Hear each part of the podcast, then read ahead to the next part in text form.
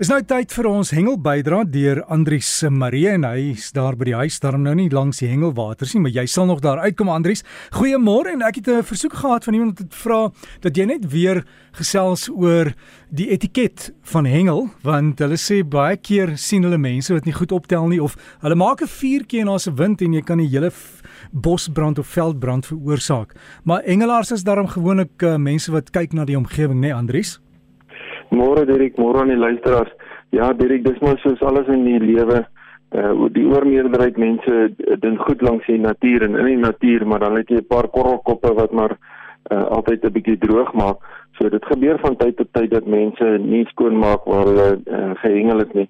Maar oor die algemeen is die uh hengelaars natuurbewus en hulle tel wel op waar hulle gehengel het en maak maar skoon daar waar hulle was. Partymal tel hulle maar ander mense se vuil goed ook op Ehm um, so nee, ons probeer maar so ver as wat ons kan en die meeste hengelaars is baie bewus van vure veral by die by die damme omdat die damme in die natuurareas is. Ehm um, en as gewoonlik droë gras so naby die damme dan uh, ons maar die vure min of binne in braaiers sodat dit nie maklik kan versprei deur die veld nie. Uh, want ons is baie keer in natuurreservate ook en uh, dan word daar nie vure toegelaat nie. So ons uh, pas dit maar so goed ons kan op Derek. En Andries, jou hengelnuus van die week wat verby is en wat kom nog? Ja, Derek, uh, vanoggend se nuus begin aan die noorde kant van ons land se grense. Ek het onlangs 'n foto gekry van Glende de Sousa wat 'n uh, swartbaar gevang het. Nou hy het hierdie swartbaar gevang by Lake Materi daar in Zimbabwe. Nou ek het die voorreg gehad om al 'n paar keer daar te kon vang. Um, en hierdie dam is definitief bewus, ag nie bewus nie, bekend vir um, al sy groot swartbaars wat daar uitkom. Um, ek het 'n paar al daar gevang wat my net stikkend gebreek het soos wat hulle te gaan in die boomstompe in. En hierdie groot swaarbaar van hom was 7.9 kg swaar geweest.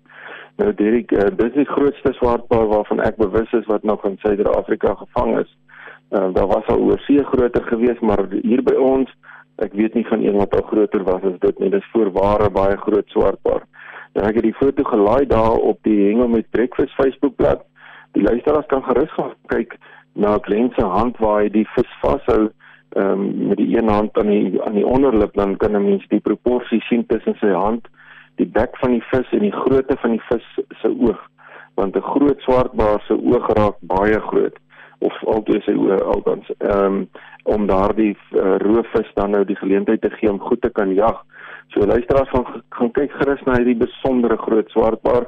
Jy sien hy het 'n groot pens ook uh, Glen voorware baie mooi vis wat hy daar gevang het.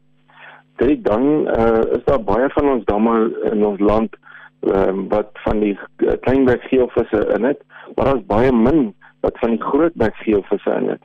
En van ons kloofdam is een van die damme wat uh, mooi grootbek geelvisse in het en natuurlik ook 'n klomp kleinbek geelvis ook het. Eintlik heel wat uh, want die water is baie gesond daar by van 'n kloofdam. En Fransjo Forsie het onlangs daar gaan hengel uh, en hy kon 'n groot pek van 6.5 kg daar gevang het. Hy het mooi foto's geneem van die groot pek en hy's weer teruggeplaas in die dam. Luisteraars kan gerus gaan kyk ook na daardie pragtige roofvis van ons binnelandse water. Luisteraars dan so gepraat van swartbaars het Devin Marshall onlangs daar by Loskopdam gaan hengel. Nou ek was mos nou die dag daar gewees um, en hy kon ook daar 'n pragtige swartbaar gevang het wat in my ook ook 'n monster swartbaar is was 5.1 kg gewees. Ehm um, dis natuurlik ook 'n baie groot swartbaar, 'n baie mooi vangs daar gewees, Devin, mooi gedoen. Luister dan net ek uh, weer eens uh, moet ek sê dat ehm um, die Garrix steeds aan die byt. Dis ongelooflik, die leervisse hierdie jaar is volop aan die KwaZulu-Natal se kus. Die mooiste een wat onlangs uitgekom het was daar by Magate geweest. So as jy roofvishengelaar is, is dit 'n goeie tyd om 'n draai te maak by die KwaZulu-Natalse kus, die uh, leries is lekker aan die byt. Luister dan die ou groot Valdam. En uh, dis een van die besondere damme wat ons hier in die binneland byke gaan uh, varswater hengel doen. En daarby Rivera Plaas was daar onlangs 'n Promenia kompetisie aangebied vir die hengelaars en uh, die sakke wat uitgekom het wat die ouens gevang het was baie goed. Uh, die moddervis het lekker gebyt. Nou die muddies is baie bekend in Valdam veral in die wintertyd byt hulle nog steeds fliks. Ehm um, so die ouens het lekker moddervisse gevang. Ja, uh, die foto's wat ek gekry het, het uh, wys die manne mooi met hulle daardie moddervisse kon vang. Ja, uh, luisteraars kan gerus gaan kyk. na die toets en dit sluit dan ook die foto in van Robert Breed wat die dag se prysveld gewen het. Direk dan die Vaalrivier en die Oranje rivier se watertemperature stelselmatig nou besig om te styg soos wat die uh, son skyn al hoe sterker raak hier by ons en die dagtemperature hoër raak en ook die sonskyn tydperk meer raak beteken dat die water se temperatuur nou begin styg. Nou uh, dit beteken dat uh, die ligte een of ander tyd nou baie binnekort aangesit gaan word van die kleinbek geelvisse.